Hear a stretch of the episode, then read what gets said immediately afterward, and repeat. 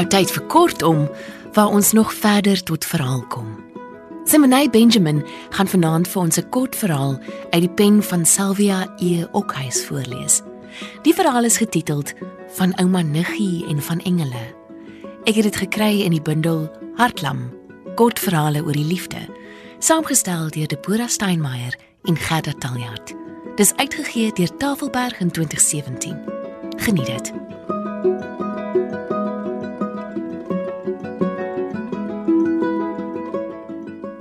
Skrik my asem weg toe ek die leë bed sien. Ouma Niggie, eers sag, dan harder. Ouma Niggie, my stem bons van die mure af. Verder is dit stil. In my hart weet ek sy is weg, maar my kop weier om dit te glo. Die res van die middag roep ek na haar. Ek hou nie op soekie. Nita huil toe ek haar daarvan vertel. My beste maat huil altyd lank voor my eie trane uit hulle skuilplek kom. Ek is 14 jaar oud en bly by oupa Isak en ouma Niggie op Heuningvlei. 'n Klein sendingstasie met net 11 of 12 gesinne in die maag van die Cederberge. Almal help soek oral. Dasie wat skape oppas, sê hy dink hy het iemand met 'n wit kop toe veld se kant toe sien loop. Daai kant toe, sê hy in beduie noord. So 'n uur of wat gelede. Ek is seker nie. Die meeste ou tantes hier dra wit kopdoeke. Ouma dra altyd een.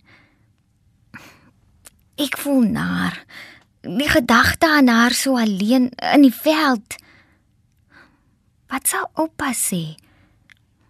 Hy is vanoggend na Wuppertal. Dis Kersfees en hy is groot kerk toe. Hy en nog 3 ooms het saam met meester Noag gery.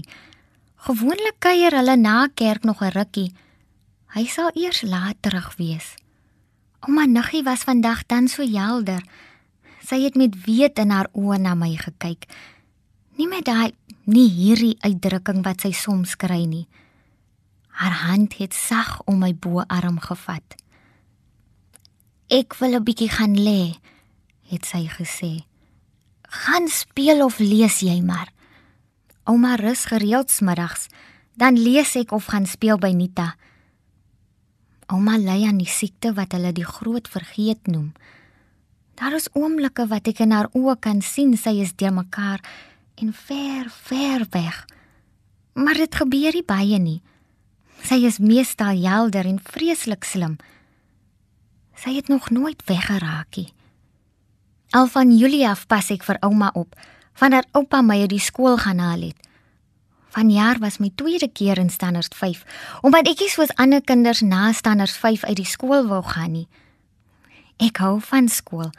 Wil graag verder gaan leer. Ek sal van Heuningvlei af moet weggaan om dit te doen. Hier is nie 'n hoërskool naby nie. Meester Noag het beloof hy sal help. Maar oupa wou niks weet nie. Die dag toe hy my by die skool gaan haal het, het hy stil in die klaskamer se oop deur gaan staan.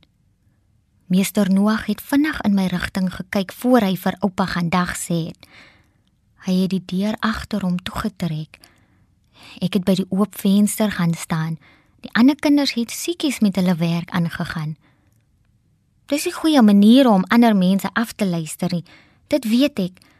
Maar daardie dag het ek my nie aan goeie maniere gesteer nie, want die bangheid was soos 'n swaar klip in my binneste. Meester Noag het omgekrap geklink. Maar oom Isak kan dit mos nie aan die kind doen nie. Daar moet 'n ander uitweg wees. Oupa was kwaad. Dink jy ek het sommer so besluit, meester? Weet jy vir hoeveel nagte het ek jou oog toegemaak? Verstaan oom hoe slim sy is. Ek is besig om vir haar 'n beurs. Hou op met daai storie. Linkie gaan geneerens hier nie. Ons praat nie weer daaroor nie. Dis nie vir jou om te sê nie. Loop roep haar soos ek gevra het. Sy moet na haar ouma kom kyk of moet ek haar self gaan uithaal? Ek het die klaskamer deur oopgemaak en uitgeloop sonder om eens my boeksak te vat. Ek het net aangestap huis toe. Ouma Nuggie het by die kombuistafel gesit, stil voor haar uitgestaar. Daar was niks sien in haar oë nie. Die weet het haar weer verlaat. Ek het stil na haar gekyk en wou huil, maar oupa het met sy knapsak oor sy skouer by my kom staan. Ons kan haar nie meer so alleen los, Linkie. Sy is nie meer haarself versie. Ek het geweet ek moes nie, maar ek was kwaad en hartseer. Toe skree ek. Sy is nie my ouma nie. Sy is niemand se ouma nie, want sy het nie eens haar eie kinders nie. Ek het begin hardloop veld in tot by die klipkoppie waar ek gewoonlik gaan sit as ek alleen wil wees. My asem het my keel gebrand en ek het nie die moeite gedoen om my trane af te vee nie. Die groot griep het vir ouma Grietjie en my ander ouma en oupa kom vat. In Oktober 1918, toe so baie mense daaraan dood is. Die volgende jaar toe ek 10 was, het pappa en mamma een warm Sondagmiddag in die Dwarsrivier gaan swem. Hulle was goeie swemmers. My ma het in 'n maalgat beland en my pa wou haar red. Hulle albei is ingetrek. Eers dae later het hulle lyke uitgespoel.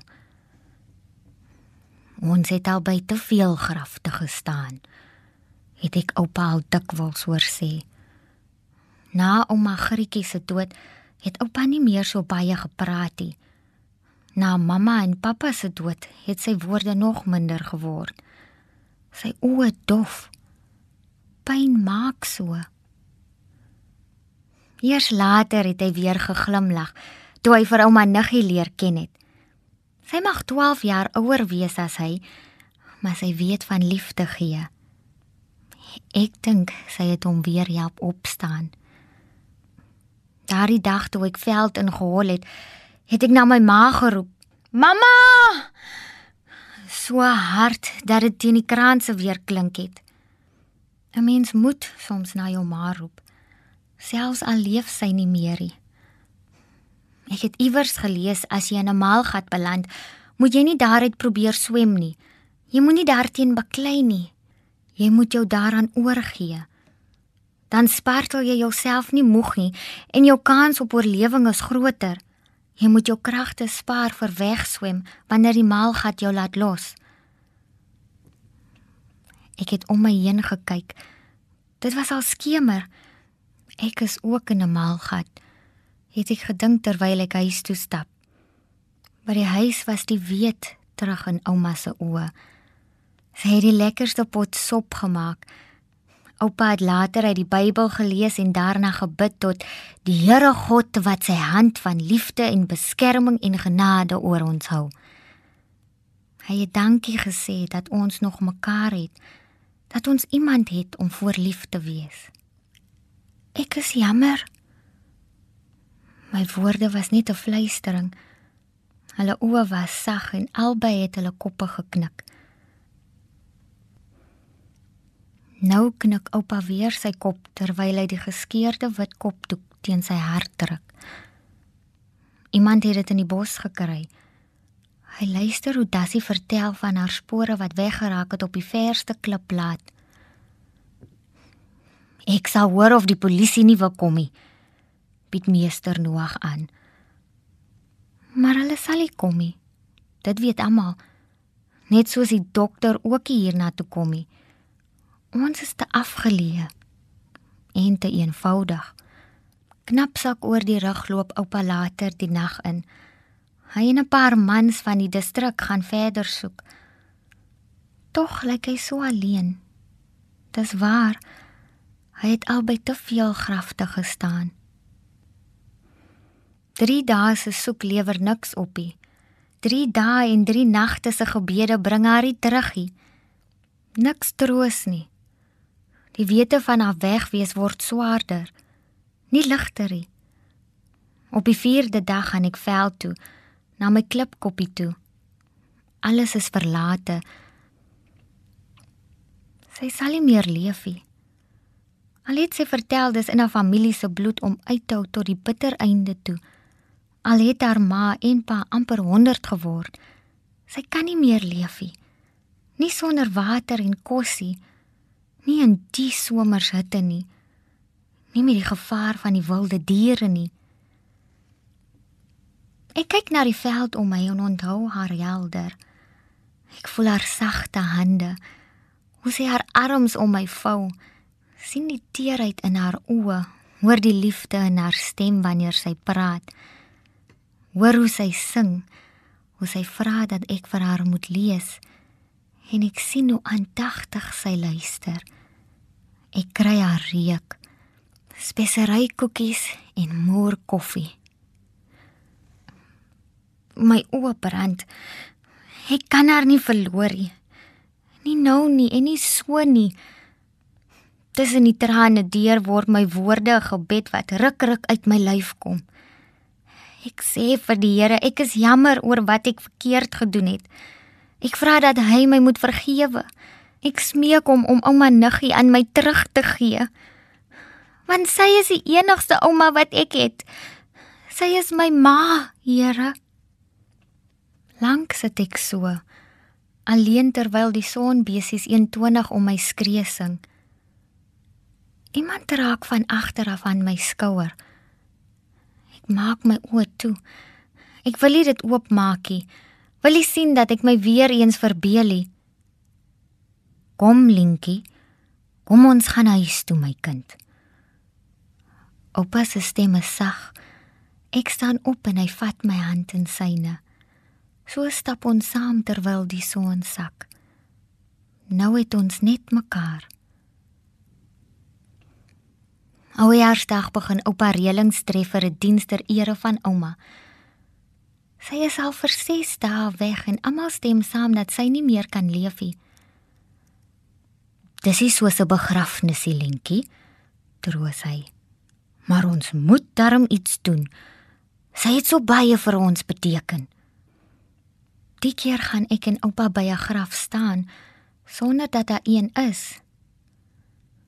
Op die oggend van die herinneringsdiens wil ek nie opstaan nie. Ek is nie lus vir mense nie. Wil nie lees nie. Al wat ek wil hê is om nog net een keer vir ouma Nuggie te sien. Ek moet weer aan die slaap geraak het, want toe ek my weer kom kry, is die huis vol mense. Dis vir die diens dring dit tot my deur. Ek sien nie daarvoor kansie. Dan is oupa in my kamer deur. Linkie, kom kyk. Sy leef. Sy is hier. Ouma is moeg en swak en maarder as wat ek haar kan onthou. Uitgeput en bleek lê sy teen die kussings. Ek glo nie sy weet regtig wat om haar aangaan nie. Tog is dit asof haar oë effens opflikker toe ek haar saggies op haar droomhondjie soen. Twee bergklimmers het haar gekry. Sy het onder 'n boom gelê, langs 'n pad wat baie selde gebruik word. Hulle het gehoor van die ou vrou wat weggeraak het en het 'n draagbaar met hout en 'n tentseil gemaak en haar huis toe gedra. Almal glo dit is 'n wonderwerk dat sy bly leef het. Ons voer haar sop en aftreksel. Dit gaan moeilik, maar sy kry tog iets in. Gaande weg word sy 'n bietjie beter. Sy het op veldkos en krye oorleef, kom dit stuk stuk uit. Ouma Nuggie sê ek toe ek seker is sy kan my verstaan. Ek is baie lief vir ouma. Haar mond glimlag effens. Haar oë blink. Haar woorde kom stadig en sleeptong uit. Ek lief jou ook baie, my enige kind. 3 dae later sterf sy. Die ontbering was te veel. Ek is hartseer, maar dankbaar dat ek tog van haar kon afskeid neem. Toe die kus sak, onthou ek my heel laaste gesprek met haar. Ouma, wou ek weet. Was ouma dan nooit bang nie? So alleen in die veld, veral snags as dit so donker word. Haar glimlag was sag. Nee. Want die engeltjies was altyd daar. As ek moeg en honger was, het die engeltjies altyd om my kom dans. Na die begrafnis sit ek en oupa en meester Noag op die stoep. Daar hang 'n stilte oor die huis en werf. Toe sê meester: "O, eie ouer sou jou nie liewer kon hê as wat ouma Nuggie jou gehad het nie." Daar is 'n nattigheid in sy oë. Jy was heeltyd reg, Linkie. Ouma Nuggie was helder die dag toe sy weggeloop het. Sy het erken dat sy presies geweet het wat sy doen. Sy het daar eerste dag weggekruip toe die mense haar gesoek het. Sy het nie omgegee om van honger en dors om te kom of deur wilde diere verskeer te word nie. Haar grootste wens was dat jy moet leer en dat dit goed met jou moet gaan. Ek weet jy sal haar nagedagtenis waardig wees. Oupa bedaie met 'n glimlag dat ek die koevert moet neem wat meester na my uithou en sê: "Maak oop, Linkie. Lees bietjie vir oupa wat jou nuwe skool se naam is, kind." Toe weet ek. My ouma Niggie was ook 'n engel.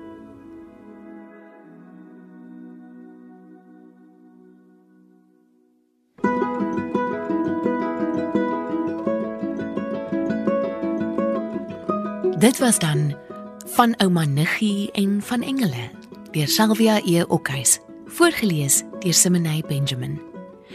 Ek hoop jy het 'n wonderlike aand en week verder. Ons kuier weer volgende Dinsdag saam. Totsiens.